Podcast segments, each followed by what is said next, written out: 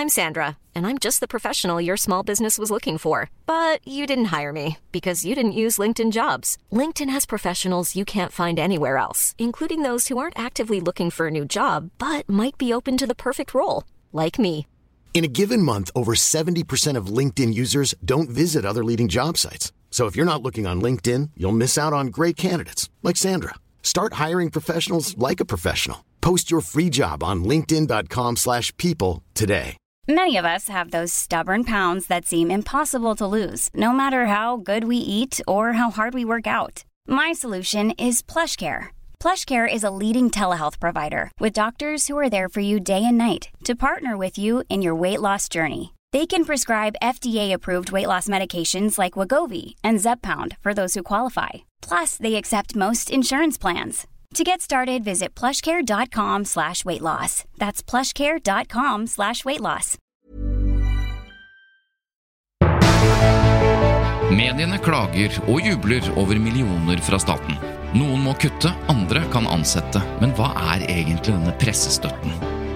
Og hvor viktig er egentlig et TV-program for fattigdomsbekjempelsen i dette landet? Ville det vært det samme uten griningen på debatten? Det lurer vi på i dag. Det gjør vi, Svein Tore. Fordi nå har det jo vært snakk om fattigdom i flere uker. Ja, det har det. Og øh, ikke apropos det, men øh, hyggelig å se deg. Ja, hyggelig å se deg. Ja. Bergestuen, det er et par uker siden vi har vært samlet her, øh, og denne gangen rundt et rundt bord. Så da foreslår jeg at vi bare begynner med runden rundt bordet. La oss, umiddelbart. la oss gjøre det. Det har uh, vært en ganske uh, dis lang diskusjon uh, om fattigdom, det skal vi komme tilbake til. Men det har også vært en diskusjon om noe veldig sånn Andam-aktig. Det er jo en bransje, denne mediebransjen, som er flinke til å gi hverandre priser. Ja, Det er ikke aleine om det som bransje, men uh, ja. Nei, det er vel sånn I den bransjen du kom fra opprinnelig, altså reklamebransjen, er det også mye priser. Ja, egentlig alle liksom kreative fag, ja. Er Ja. Jo, ja. Nå er jo den prisen vi nå har på hjertet å diskutere, er jo uh, mer en ledelsespris, da. Ja, fordi det er igjen delt ut en uh, pris for beste kvinnelige medieleder. Ja. Og vi har allerede vært ute og gratulert. Det er Alexandra Beverfjord, som er sjefraktør sjefredaktør og, og ansvarlig i Dagbladet, som har fått den prisen. Mm. Akkurat nå har hun fått den. Akkurat nå. Akkurat nå. og så um, Og vi har jo, eh, som vi har skrevet på Facebook, Eva, vi har jo kritisert Dagbladet tidvis kraftig, nå er det lenge siden, for deres frontstrategi, blant annet. Som vi mener lurer og narrer. Og er, om ikke brudd på presseetikken, så er det i hvert fall brudd på det vi mener er realt. Og det har vi vært tydelige på. Ja, Men eh, Det funker, da. Så dere nettopp. får det dere ber om, folkens! ja, fordi eh, Noe av grunnen til at eh, Beverfjord får denne prisen, er jo fordi at hun har satt en tydelig strategi som åpenbart lykkes. Det er av og til irriterende, vanskelig å argumentere mot suksess, i hvert fall økonomisk suksess, og lytter- og seer, eller lesersuksess i dette tilfellet. Så hun får jo, og det er sikkert velfortjent, men det var ikke derfor vi skulle snakke om denne prisen. Nei, men det er vel også altså, Når det er en lederpris, så er det vel litt lederegenskaper osv. Jeg har skjønt på sosiale medier og gratulasjoner at uh, hun anses som en veldig god leder da, for gjengen sin. Så det er vel det også, i tillegg til den strategien, vil Ja, jeg tro. det er begge deler. Ja. Uh, Så hun får masse skryt i alle leire, og, og det er sikkert fortjent. Og vi gratulerer eh, med prisen. Mm. Ja. Men det er jo ikke prisen for årets beste medieleder. Nei, for eh, det starta vel egentlig med at Odd Isungset, eh, en eh, ringrev vil jeg si, i mediene, da. han er kjent fra både TV 2 og NRK osv., skrev en kommentar eh, på Det var vel på Medie24, kanskje? Ja, jeg tror han skrev en kronikk eller en innspill som ble publisert flere steder. Ja, hvor han egentlig gjør et poeng av nettopp det at liksom, hvorfor trenger damene å spille på i B-ligaen, ikke, det er ikke hans ord, eh, når vi egentlig har eh, et overtall av kvinnelige medieledere i dagens eh, eh, bransje. da. Mm. Ja, Han mener rett og slett det er en, en, en utdatert pris. Fordi hvorfor ha en pris for bare kvinner, f.eks.? Hva syns du, da? Ehm, jeg tror nok det av og eller har vært nødvendig med både denne type priser, altså egne priser for kvinner, for å løfte opp og, og ja, løfte opp kvinner, da. Eh, Men det er jo denne debatten alltid om kvotering og ikke-kvotering og priser til bare kvinner for å sette søkelyset på eh, ja, på en mediebransje som har vært ganske gammeldags, lenge var. Eh, men jeg tror ikke det er nødvendig. Jeg syns argumentene nå for en kvinnepris er dårligere enn argumentene eh, mot. Ja. Eh, så jeg er nok tenderer å være enig med Odd Isungset at, at eh, dette trenger de ikke lenger. Nei, Det har jo vært litt sånn pingpong fram og tilbake med kommentarer da mellom Isungset og Jannike Dyrøy, eh, som er styreleder i Medienettverket, som deler ut denne prisen. Mm. Hvor hun, eh, De er for så vidt ikke liksom, rungende uenige, tror jeg, om, om dette. Men hun syns Bortsett fra at hun mener at prisen fortsatt skal deles ut. Ja, i hvert fall inntil videre, virker Ja. det som. da. De skal jo se på prisene på nytt, skrev hun et sted, og, og, og kriteriene.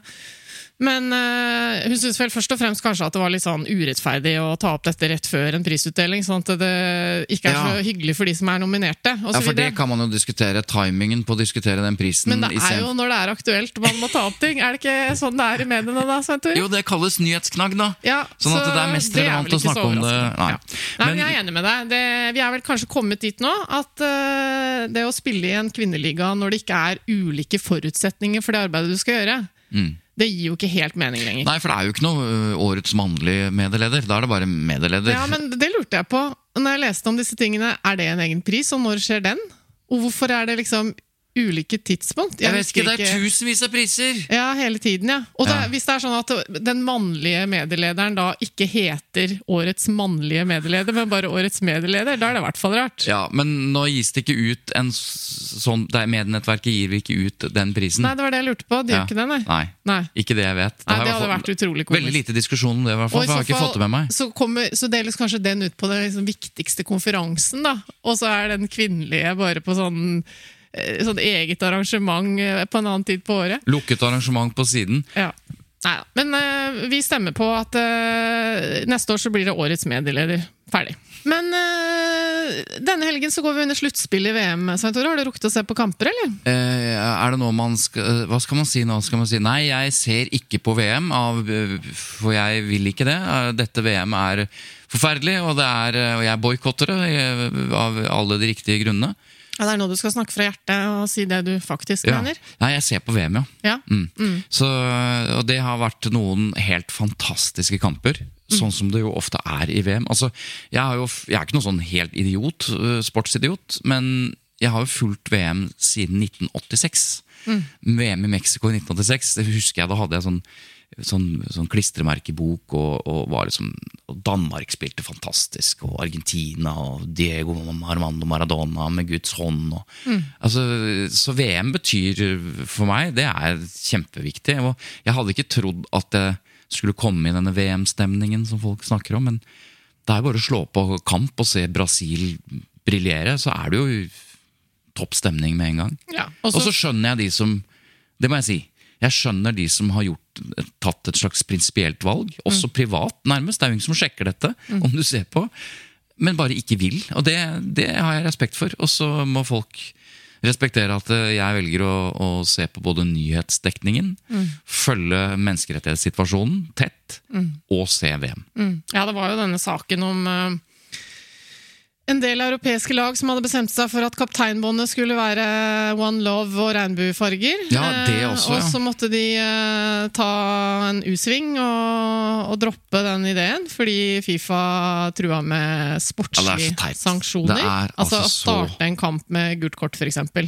Ja, og så skjønner jeg på en måte jeg, altså De har jo blitt kalt feige, de som da ikke gjør dette. Men Mm. så skjønner jeg at når du er der og spiller det viktigste mesterskapet i ditt liv, og så skal du starte da med, gult kort, Han ble ganske for irritert, han for... danske kapteinen, eh, på Ja. det spørsmålet. For han er ikke noe tvil om hva han mener, og han sier hva han mener om dette. Mm. Men han starter ikke med et gult, gult kort. Da risikerer han å bli utvist hvis han takler det en gang til litt uh, brått. Det er, de skjønner det. Mm. Og så her er jeg enig med stort sett alltid siste taler. Uh, Jeg faller ned på at uh, jeg skjønner at de ikke tar på seg bindet. Eller båndet. Eller kapteins... Kapteinsbindet. Men så mye morsommere da, når det kommer en banestorming med fullt regnbueflagg og støtte, støtte til uh, Ja. alle de riktige tingene. Ja, for det var jo i kampen eh, mellom Portugal og Uruguay på mandag. Mm. Så viser det seg da, når man leser litt mer om det etterpå, at han Mario Ferri, italieneren som løper ut på banen, Mm. eh, han har jo gjort det før. Ja.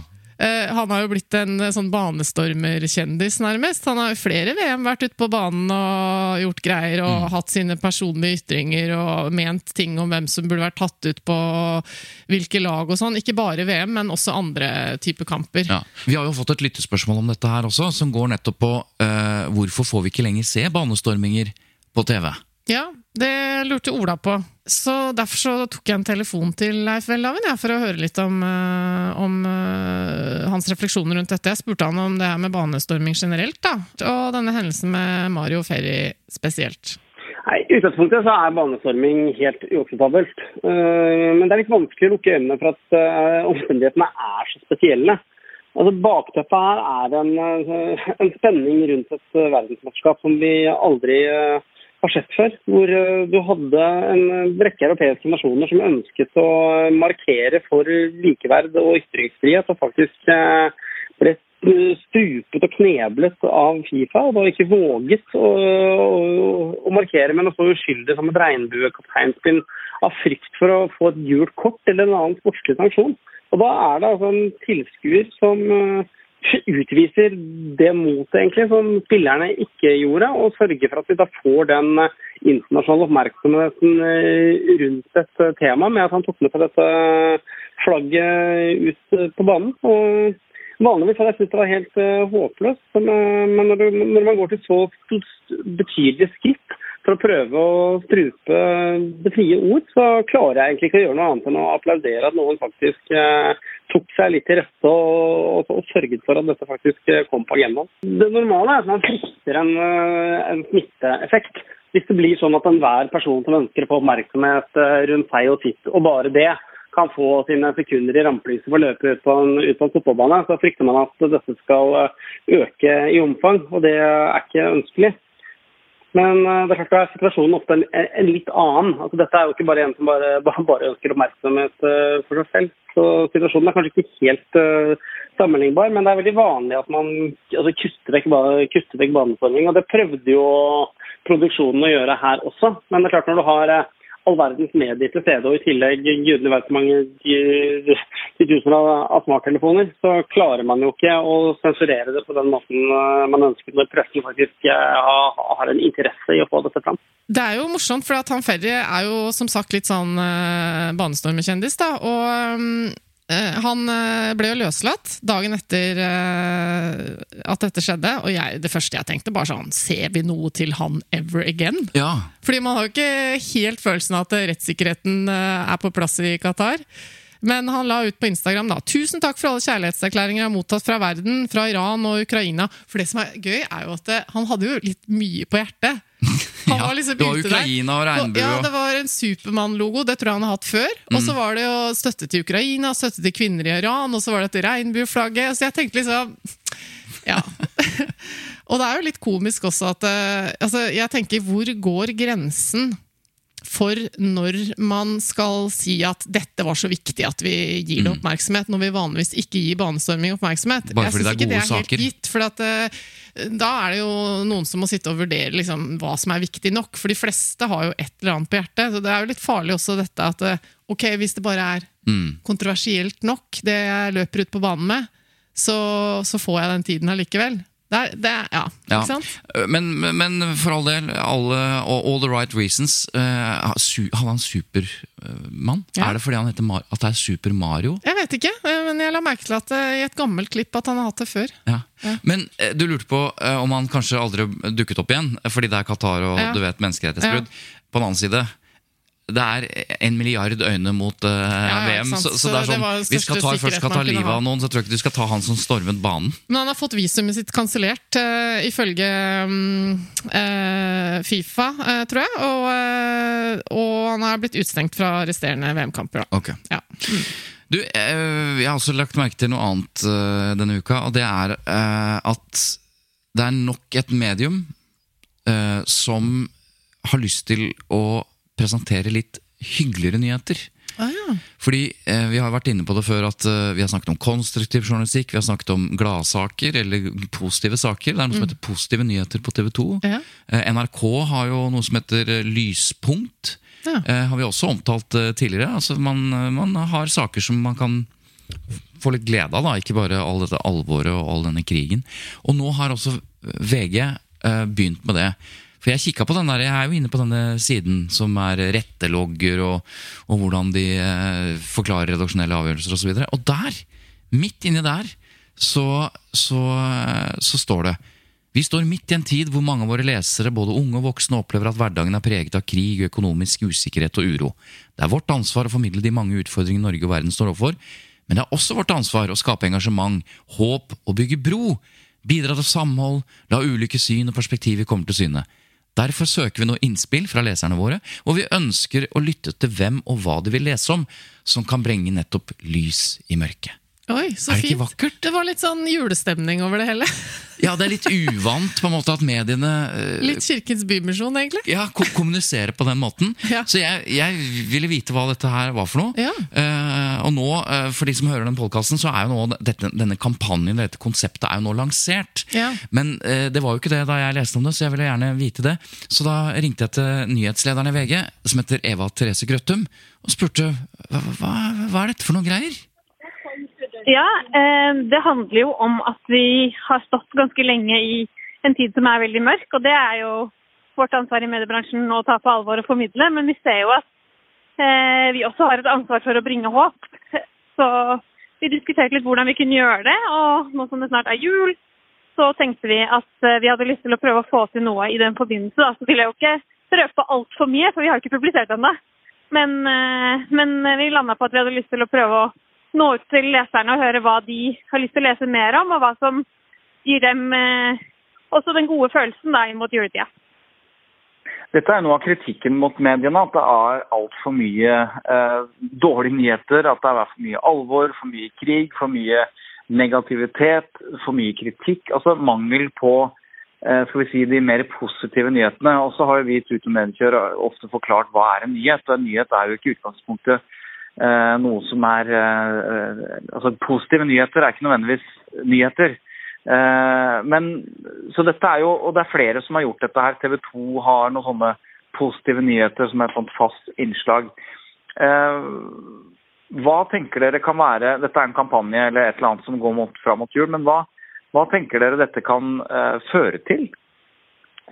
Eh, Jeg håper jo at det kan føre til at eh, vi gir en litt sånn bredere kontekst eh, i nyhetsdekninga vår. fordi det er jo helt riktig at nyheter i seg selv er jo ikke positive, men er de, er de negative? Det er jo et spørsmål vi må stille oss. Altså, det er jo veldig mye vanskelige ting som skjer nå, og veldig mange i Norge har det veldig tøft.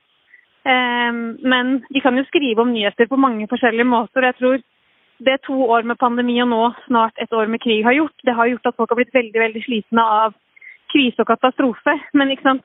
også i Ukraina så kan man skrive om eh, det som skjer der på andre måter enn med krigstyper. Så det handler litt om hvordan er det vi formidler nyheter også, og hvordan når vi de som vi vil at skal lese nyheter. For det er jo også et ansvar vi har. at hvis, ikke, hvis det ender med at leserne ikke ønsker å komme til VG lenger fordi de ikke orker, da gjør vi heller ikke jobben vår.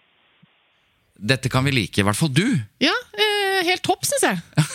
Du trenger dette lyset. Ja, for jeg har jo kommet dit nå i det siste at jeg prøver å hva skal jeg si, skjerme meg litt fra nyhetene. Jeg har snakket om det før, at eh, min rutine om morgenen er at jeg har en sånn radioalarm som setter på eh, nyheter. Jeg våkner til radio, da. Og så driver jeg og pendler litt mellom eh, P2 og P3, for at eh, jeg vil jo egentlig liksom få med meg det siste nytt. Vi er snart 50 år, Eva. Tre... nei, P3 er det Nei, nei, det er herlig. Nydelige folk som prater, og det Det er går. musikk og sånn. Ja. Pluss at jeg har barn i huset. da. Ja, okay. Så det er liksom På badet er det P3, kjøkkenet er det P3, på soverommet mitt er det ikke sant? Men eh, jeg blir veldig ofte sur. ja. For du kommer Fordi rett inn i Politisk Jeg kvarter. ligger jo og slumrer litt òg. sånn at det, det blir jo mye gjentagelser ofte. Mm. eh, med de samme, Hvis jeg rekker å liksom høre to nyhetssendinger, det er jo naturlig at det Mm. er gjentagelser der, men jeg syns liksom, det er mye krangling og debatt og, og mye dritt. Og verden er forferdelig, og det er krig og helvete. Mm. Så mm, noen ganger så tenker jeg at uh, dette trenger ikke jeg å starte min dag med. Nei. Så hvis jeg kunne fått litt sånn lys i mørket, nyhetsfokus eh, et kvarter hver morgen, så tror jeg kanskje det hadde vært eh, bedre. Det, nå er det i hvert fall flere som, eh, og som vi hørte nyhetslederen si, som er, som er litt sånn nytt, i hvert fall ny, ny måte å, å si det på, er at de har et ansvar Ja. for at folk for det første skal få med seg For ting. at jeg skal ha det bra? Ja, Og da kan de ikke støte folk eh, vekk eh, fordi de ikke orker å liksom, ta til seg alt. Da må de få det inn. Jeg kunne begynt med sånn pling-plong, litt sånn yoga-meditasjonsmusikk, og så kunne du hatt sånn rolig stemme, og så bare fortalt sånn eh, Siste døgnet har sånn og sånn skjedd i Ukraina. Du, dette minner meg om Jeg må bare si det, kom med en anbefaling. Altså en, Min favorittpodkast er Tore og Haralds podkast. Tore Sagen og Harald Eia. Og de, de hadde nettopp et sånt innslag hvor de spilte av hun Nå husker jeg ikke hva hun heter, hun Hallo-dama, eller Hallo-verten, som det heter. Som har en sånn veldig koselig telemarksdialekt. Og da, og da sa de at hun kunne si hva som helst Ja. med denne koselige stemningen. ja, ja. Det er nettopp sluppet en atombombe. Ja, jeg er så misunnelig på de som har sånn og så er det snart stemme. Norge Rundt. Altså Bare du sier det med en myk nok stemme. Ja. Ok, nok om det. Eh, vi skal Apropos myk nok stemme ja, og tårer. ja. Det har vært mye tårer på TV i det siste. Det er jo den, en av de sakene vi skal snakke om i dag. Ja, og det er TV. Det er noe annet igjen. Ja, TV er sterkt, vet du. Ja, TV er ekstremt sterkt medium. ja Det hadde jo for så vidt uh, sikkert hatt uh, sin virkning at folk grein på radio òg, men det er noe eget, er det ikke det? Ja, det er i hvert fall eh, mye bedre enn å grine i avis. Ja. ja, for det er ikke så effektivt. Nei, da står det liksom Så må han så kjemper han mot gråten og feller en tåre, men det blar jo fort forbi. Det er jo når du ser ekte mennesker med ekte utfordringer og problemer stå der og forklare livssituasjonen sin. Denne gangen handler det om fattigdom. Ja, ja. Og så ser du hvor mye det koster. Eh, og, og, og du klarer å sette deg inn i situasjonen de snakker om. I hvert fall de fleste av oss. Eh, så det blir ekstremt sterkt. Så det har jo vært eh, Det er Fredrik Solvang og hans gjeng i Debatten på NRK som virkelig har satt dagsorden med sine sendinger om fattigdom. Og så har jo politikerne på sitt klønete vis også satt dagsorden. Da, de, for det starta med at de dukket ikke opp. Ja, for det plutselig så kom det en sånn viktig presseetisk eh, detalj inn i dette. Og det er det der at eh, de vil ikke stille. Og vanligvis så leser vi jo eh, noen ganger når det er kritiske saker i skriftlige medier også, at sånn og sånn vil ikke svare på spørsmål, eller har ikke svart på våre henvendelser, eller ingen kommentar. ikke sant?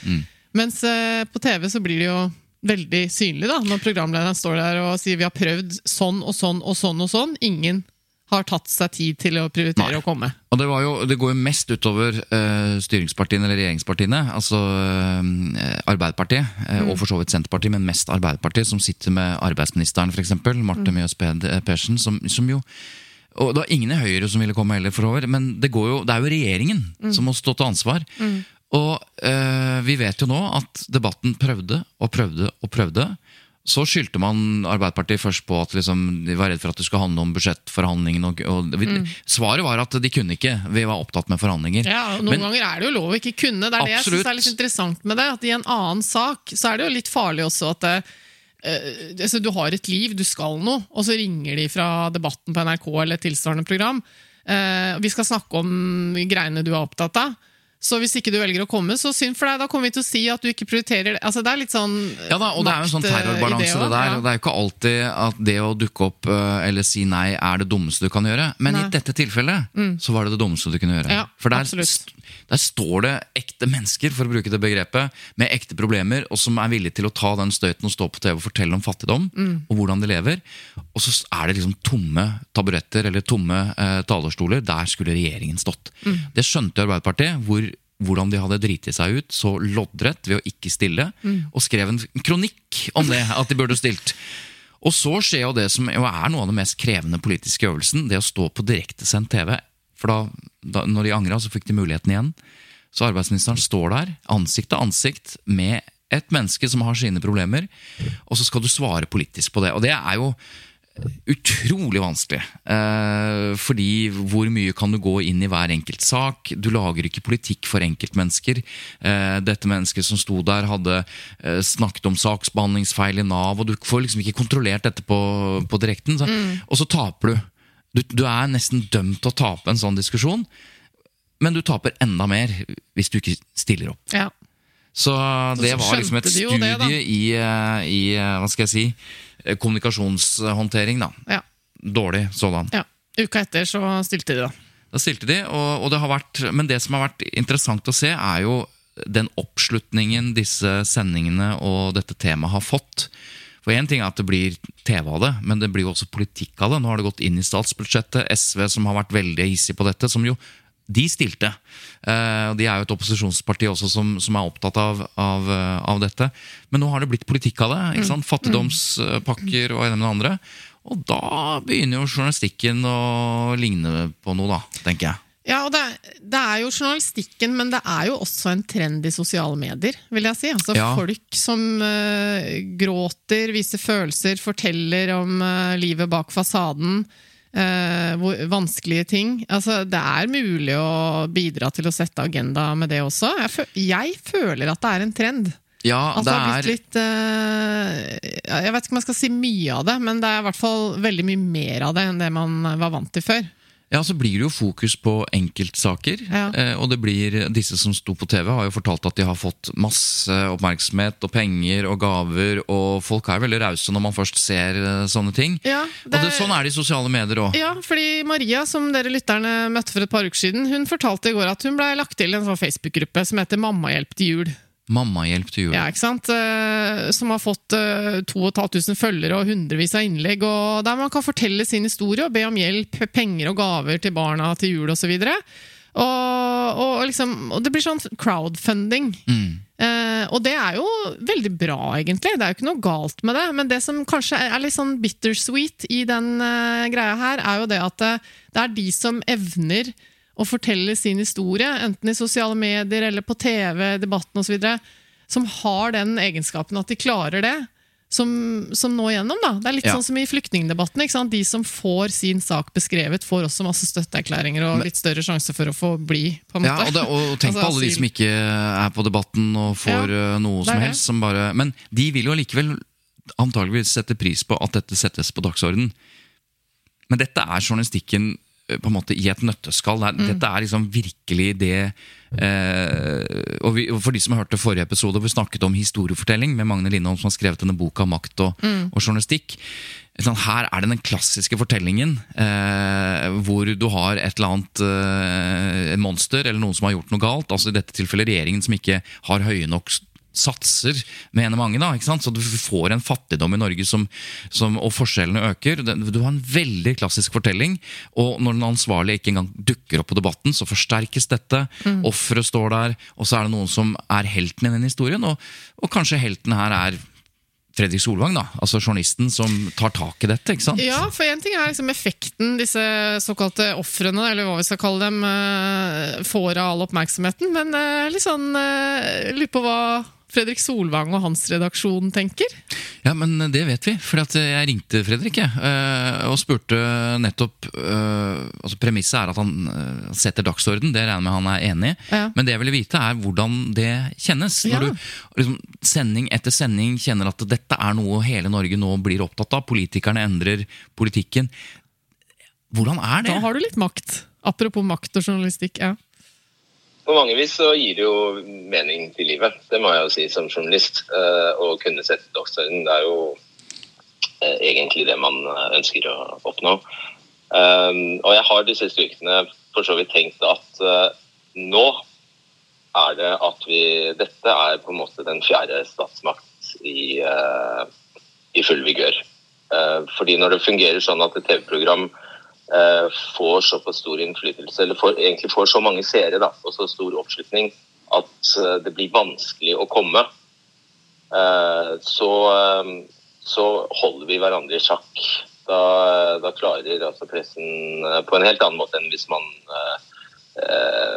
hvis man opererer skriftlig og politikerne bare kan la være å svare eller bare sende av gårde noen, noen ikke-svar, Eh, direkte-TV har det ved seg at eh, hvis vi da både har den eh, kan øve den innflytelsen at de nesten må komme, og så må de faktisk utsette seg for den øvelsen det er å svare helt konkret direkte på spørsmål. Hvis de ikke svarer, så blir det veldig synlig. Jeg må si at Da føler jeg egentlig at vi holder hverandre i sjakk på en veldig sunn måte. da. Mm. De sitter fremdeles med den formelle makta, og de er, den, de er lovgivere og de er, de er utøver den utøvermakta. Men vi holder dem i øra på en måte som, eh, jeg skal ikke si tilfredsstillende, fordi det, jeg, jeg, personlig får veldig veldig lite ut av det. Men, men, men jeg syns at det, vi nærmer oss omtrent sånn som jeg syns det skal fungere. da. Som alltid velformulerte Fredrik Solvang setter ord på, på det han mener nå er eh, journalistikk sånn det skal være. da. Mm. Og han har jo også ikke bare satt ord på ting, men tårer på ting i det siste. Så det er jo også en eh, Ikke en trend, vil jeg si, men det har jo vært litt rørende det òg, når eh, programledere viser han og Det var jo en eh, sak for noen uker siden også fra Ukraina, hvor Bent Kjærstad, som vi hørte fra for eh, noen uker mm. siden gråt uh, på TV midt i en reportasje. Det, man, man, har sett flere eksempler ja, på det. Ja, NRK-radioprogramleder som også i et intervju med en ukrainsk kvinne bare også bryter sammen. Ja. Og jeg tenker at eh, det er eh, altså Man skal selvfølgelig være profesjonell i rollen, men folk ser jo hva som skjer. Du blir berørt av det. Du kan liksom ikke styre det. Og så kan jo noen mene at det er uprofesjonelt eller ta deg sammen, men Det må i hvert fall ikke gå inflasjon i det, vil nok de fleste tenke. Så lenge det ikke brukes som en slags virkemiddel, ja. og det gjør det jo ikke. Du, Nei, ser, at du ser at det ja. ikke er ekte, så ja. blir det jo helt katastrofe. Men det er sånn interessant hva, og jeg har nevnt det før, eh, hva Fredrik Solvang har fått til. Mm. Fordi han er jo et, føl han er et følelsesmenneske, sånn som jeg kjenner han. Mm. Og det kommer til uttrykk både i hans forsvar for de valgene man tar. Han går jo ut fortsatt i sosiale medier og diskuterer på Facebook og liksom holder fanen høyt og, og, og svarer folk. Det er veldig veldig få journalister og programledere som orker det. Eh, og så blir han berørt, eh, når, sånn som vi ser på TV. da så han, jeg synes De har fått til noe og et økt engasjement rundt den debatten som er ganske fascinerende. Og så, Som han er inne på, det er den fjerde statsmakt. Det er, de føl, de, det er viktig. Men det er som du sier, TV, når du griner på TV, det er veldig mye sterkere. Altså TV på sitt aller beste er nettopp når du ser enkeltpersoner og du blir berørt av det eh, på en helt annen måte enn i noe annet medium. Da, da, mm. da, da virker det sterkt. Og jeg liker det. Det er vanligvis forbeholdt politikerne. det er det ikke At Journalistene skal bare dokumentere et sånt møte mellom et ekte case og en politiker som rådgiver. Hva, hva ville du uh, rådet en politiker til i en sånn sammenheng? På et sånt besøk? Uh, uh, liksom, burde de liksom bli mer berørt? Grine litt mer? Så lenge det er ekte. Altså, ja. får du grine så mye du vil. Men, men sånne staged greier, det har jeg ikke noe særlig sansen for. Og, og dette med case som journalistikken bruker, altså enkeltpersoner som du blåser opp ett enkelt tilfelle for å belyse noe større. Mm, mm. Men faren med det er jo nettopp at du blåser opp feil, eller at, eh, at det ikke er representativt, eller at det ikke er et så stort problem, eh, osv. Du får jo bare fragmenter av virkeligheten. ikke sant? Når du da... Ja. Men, men, eh, politikerne er opptatt av akkurat det samme. De liker det samme. Jeg husker en debatt for mange år siden. Eh, Inga Marte Torkelsen, som var eh, statsråd i, i, for SV, eh, hun ble beskyldt for et begrep som ble brukt. det var intimitetstyranniet. Mm. Altså det når når politikere bruker enkeltpersoner, enkelteksempler, anekdoter 'Jeg har vært i fengsel, jeg har snakket med den, jeg møter en fattig' Og så bruker du jo dette her for å få oppmerksomhet som politiker også. Mm. Så Sånn sett så er det jo et sånt samspill mellom presse og politikere. Men det, det er, man må vite at det er anekdoter og enkeltpersoner og caser. Eh, og så må man ha litt andre svar når man skal se på helheten. Og det er det som er så vanskelig. Mm. Når eh, arbeidsministeren står på Debatten og møter ett menneske, én mm. situasjon, så skal hun prøve da, på sitt vis å forklare ordningene. At vi har et ja, system og, og vi har en de må alltid løfte det opp til eh, mer generelt. Og så sier hun ja, men det hjelper ikke meg, Marte. Nei. For min situasjon er sånn. Ja, ja. Og så sier programlederen ja, hva vil du gjøre for å bedre ja. Maris uh, situasjon? Jeg vet ikke, ingenting antageligvis. det blir jo alltid sånn ja, men da, jeg må se på ja. dette i et større bilde. Ja, det. Men det er allikevel uh, grunnleggende positivt at uh, vi At journalister kan sette dagsorden på fattigdom, som er et ekstremt viktig tema, på den måten. Så det er Hør, hør, juble for det. Absolutt. Wow! Nice! Yeah! What you're hearing are the sounds of people everywhere putting on Bombas socks, underwear, and t-shirts made from absurdly soft materials that feel like plush clouds. Yeah, that plush. And the best part? For every item you purchase, Bombas donates another to someone facing homelessness. Bombas. Big comfort for everyone. Go to bombas.com slash ACAST and use code ACAST for 20% off your first purchase. That's bombas.com slash ACAST. Code ACAST.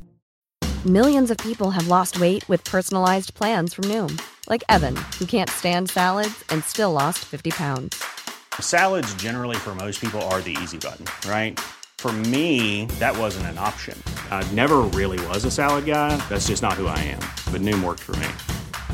Get your personalized plan today at Noom.com. Real Noom user compensated to provide their story. In four weeks, the typical Noom user can expect to lose one to two pounds per week. Individual results may vary.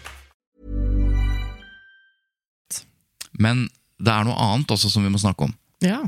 Og det er noe ganske som folk ikke skjønner noe av, tror jeg. Eller i hvert fall ikke, det er mange som ikke forstår det. Mediepolitikk, mener du? Ja, og pressestøtte og mediemangfold. Ja, men det er jo hvor- superkompliserte greier. Ikke rart folk ikke skjønner noe av det. Altså, Intensjonen er ikke superkomplisert. For det Nei. handler jo om å gi støtte til flere medier, sånn at vi får et mediemangfold. At det ikke bare er den mest eh, leste, eller den mest kommersielle, eller den mest Ja, altså Helt grunnleggende. Hvis absolutt alle medier må operere kommersielt, altså eh, overleve eh, på egne inntekter, så vil, det, det. så vil det prege hvilket mediemangfold og hvilket medieprodukt vi får. Det skjønner man i prinsippet. Da Fordi man for er nødt til å gjøre det så tabloid som mulig for å få flest mulig, for å få flere til å se Ja. annonsene, og så, og så det betyr Eller få flere abonnenter, da. uten ekstrainntekter fra staten, som vi også kaller Det er forskjellige ordninger for pressestøtte, vi skal komme til det, men uten det så ville jo da aviser som vet ikke jeg, Vårt Land,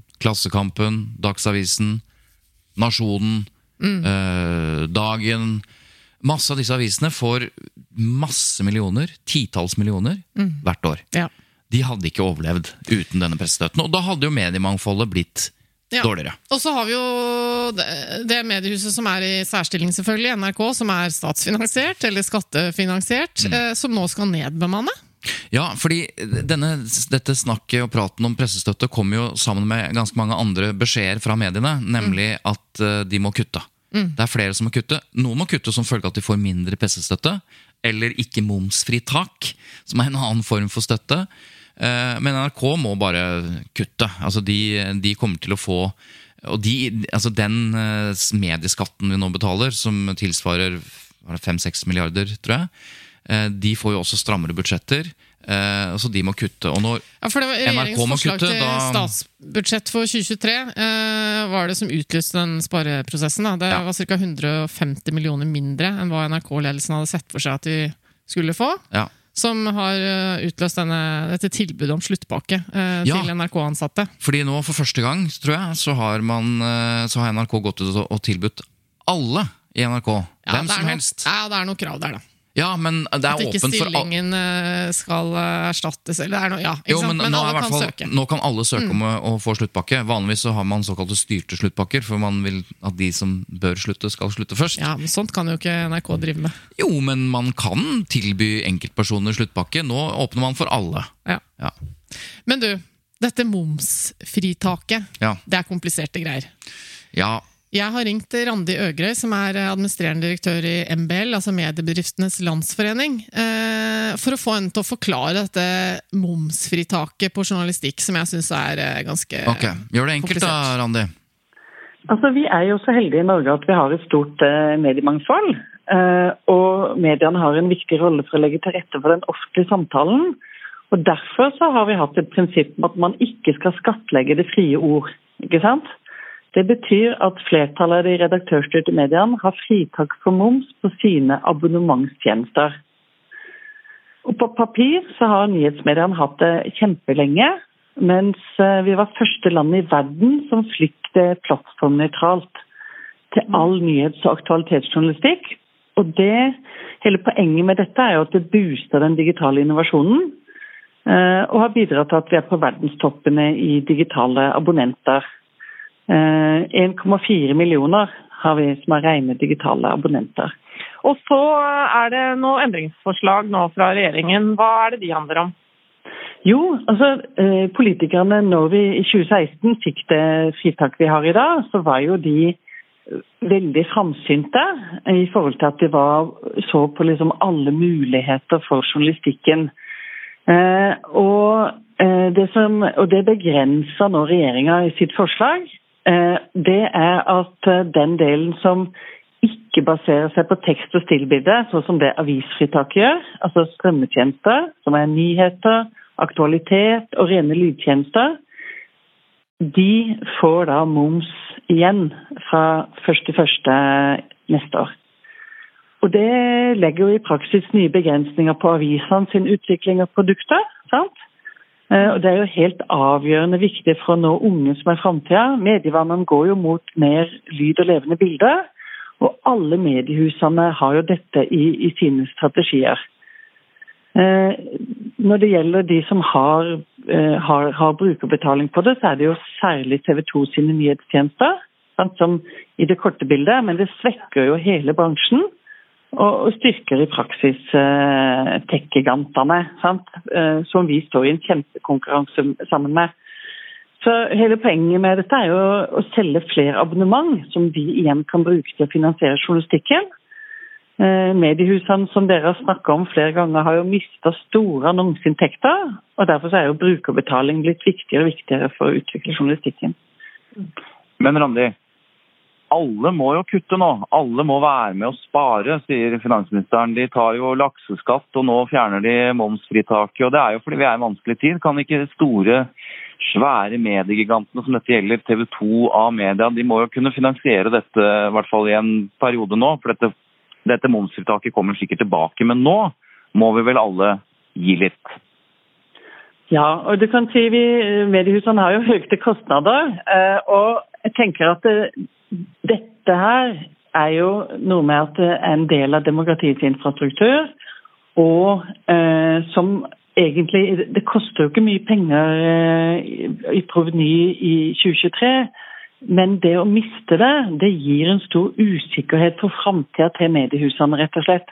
Så dette er nesten vel så mye et prinsipp eh, som det handler om penger, mm. eh, og som setter oss tilbake strategisk, og som gjør vi kaller det en nedkjølende effekt, som gjør at, at eh, både lokale, og regionale og nasjonale mediehus blir usikre på hvordan de skal rigge framtida. Og det får jo mye større konsekvenser enn de kronene det koster. La du merke til at det kom et ord inn her som, eh, som også gjerne folk lurer på? Hun sa proveny. Ja. Altså det, det, Folk må slutte sorry Randi, men folk må slutte å bruke begreper som ikke Altså, Og det sier du! Ja. Du elsker jo sånne fancy ord som du legger din elsk på. Nå kommer jeg ikke på et eneste et, men, nei, nei, men det har jeg tenkt på at du gjør ofte òg. Hvis jeg forklarer det etterpå. Ja, For da får for det være sånn mansplaining. Nei, Først si noe fancy, og så kan du vise hvor intelligent du er. Ja, det kan jeg. Men, men poenget er jo at uh, vi må gjerne bruke fremmedord hvis du også forklarer det. Ja. Grunnen til at man bruker fremmedord, er jo ofte fordi de er mer presise. Mm. Men proveny Vet du hva det betyr? Nei, jeg vet ikke. Og det brukes ofte i Ja, det ja, brukes Det brukes ofte i sammenheng man snakker om skatt og inntekter og statsbudsjett osv. Mm. Men eh, proveny betyr jo egentlig bare forteller jo egentlig bare hvilken inntekt staten får, f.eks. fra en avgift eller skatt. Kan mm. ikke bare si det, da? Inntektene fra den skatten. Ja, men Hvis hun bare hadde sagt det, så hadde ikke du fått muligheten til å mansplaine altså, etterpå. Nei, det er godt uh, poeng, men alt er jo ikke binært, ikke sant? Nei. Og binært, ja. Nettopp. Men du, okay. eh, det er jo liksom det at eh, De sier jo at dette, ordningen er lite målrettet. Og mm. det kommer jo fra den samme regjeringen som eh, så seint som i vår varsla at ordningen skulle forlenges til 2028.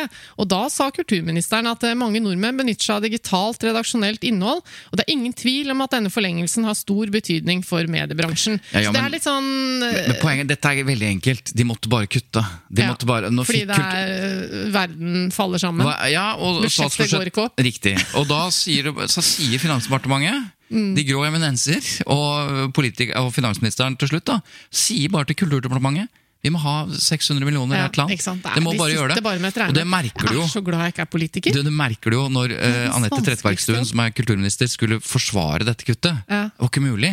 Nei. For hun har jo vært for ved momsfritak. Nei, for nå er det sånn Robin Hood, nå skal de ta fra mediestøtten og gi til de Ja. fattige kvinnene som gråter på TV. Jeg kom på en annen ting. Eh, det er mulig jeg har nevnt det før, eller jeg har drømt det, men eh, da Anette Trettebergstuen skulle intervjues av Medie24 Mm. om dette direkte i vandrehallen, som det heter, på Stortinget, der du Ja. skulle forklare, så, så var ikke premissene Vandrehallen er jo nedi der hvor vi ser på TV hele tiden, hvor Ja. vi surrer rundt og venter på at kameraet skal komme Ja, bort og spørre om noe. stortingssalen så er det vandrehallen. Nei, og der, og der blir ikke premisset for intervjuet tydeliggjort, tror jeg. For, for midt i et direkte intervju, eh, og hun får spørsmål om dette, og jeg tror det var dette, så, hun, så rister hun bare på hodet. Nei, vil ikke.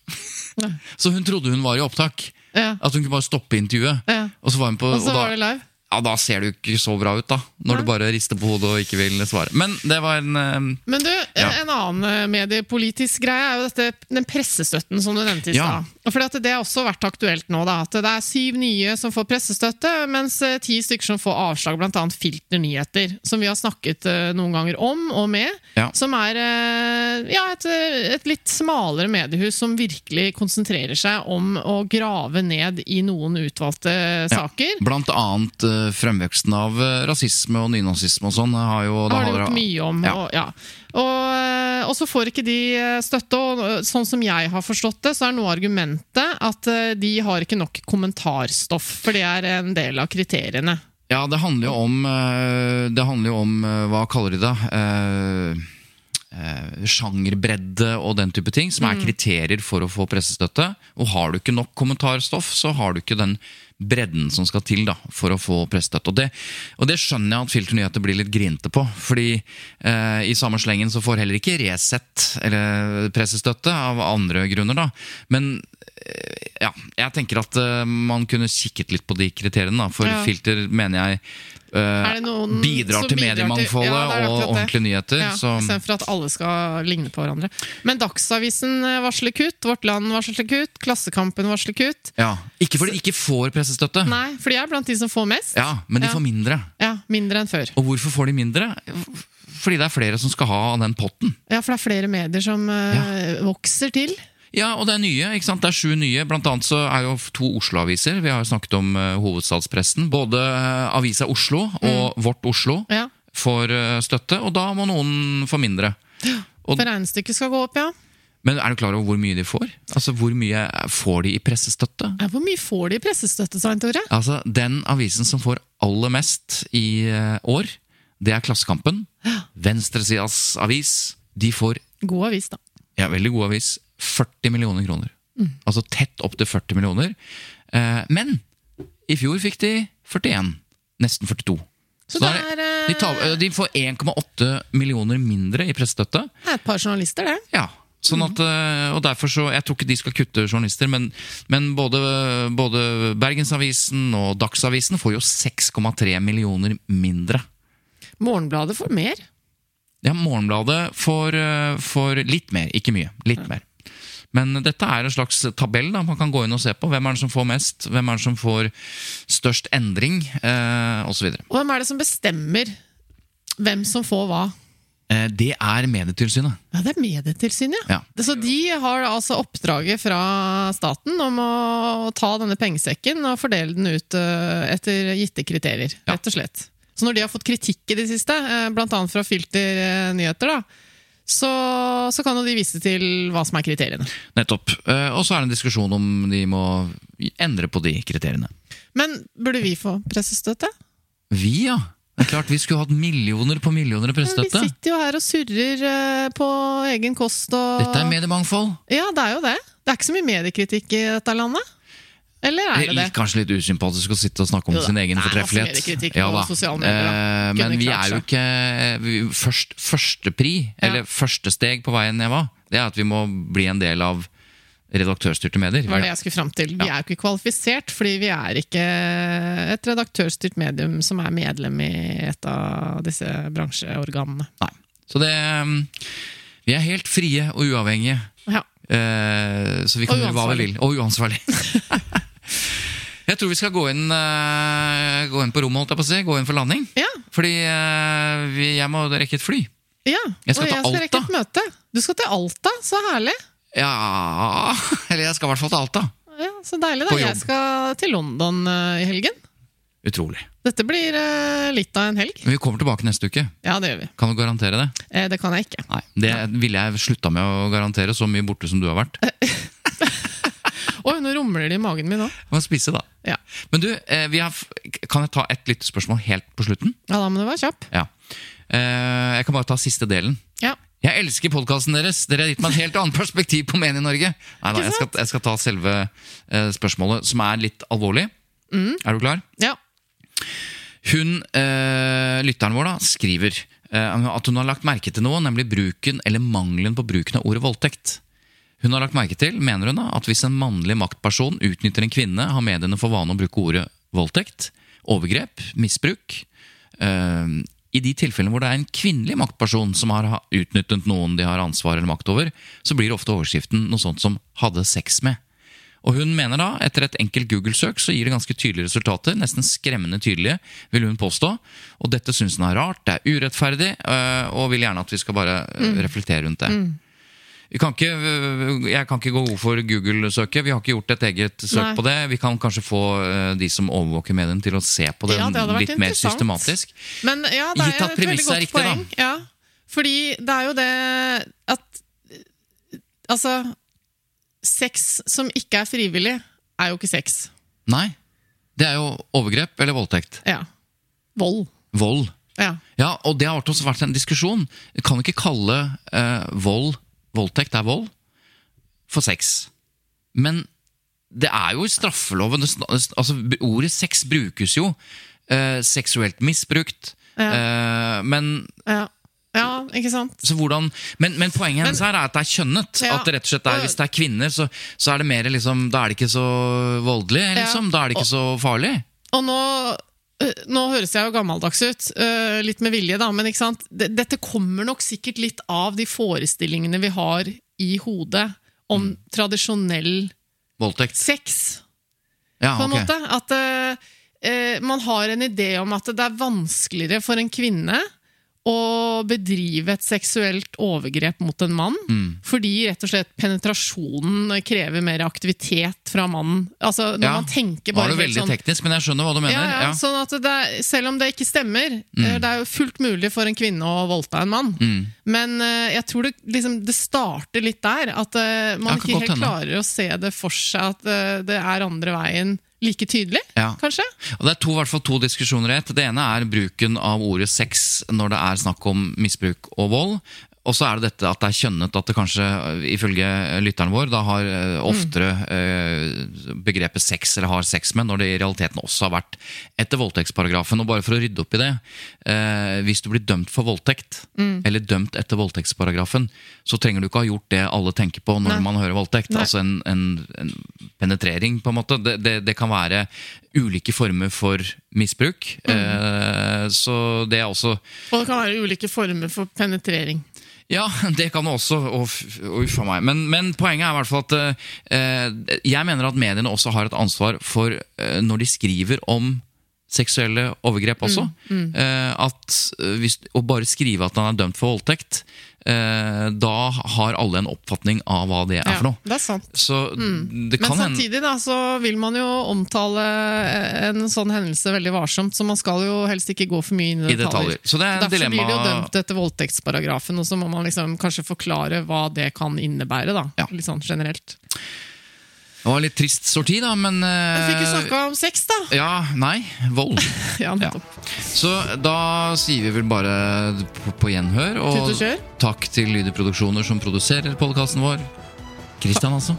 Takk til deg, da, Svein Tore Bergstuen. Takk til Eva Sandum. Takk til Maria, som eh, hjalp oss litt denne gangen òg. Ja. Mm. Og takk til deg som hører på, primært. da. God VM-helg og VM-sluttspilluke. Vi høres. Vi høres. Ha det!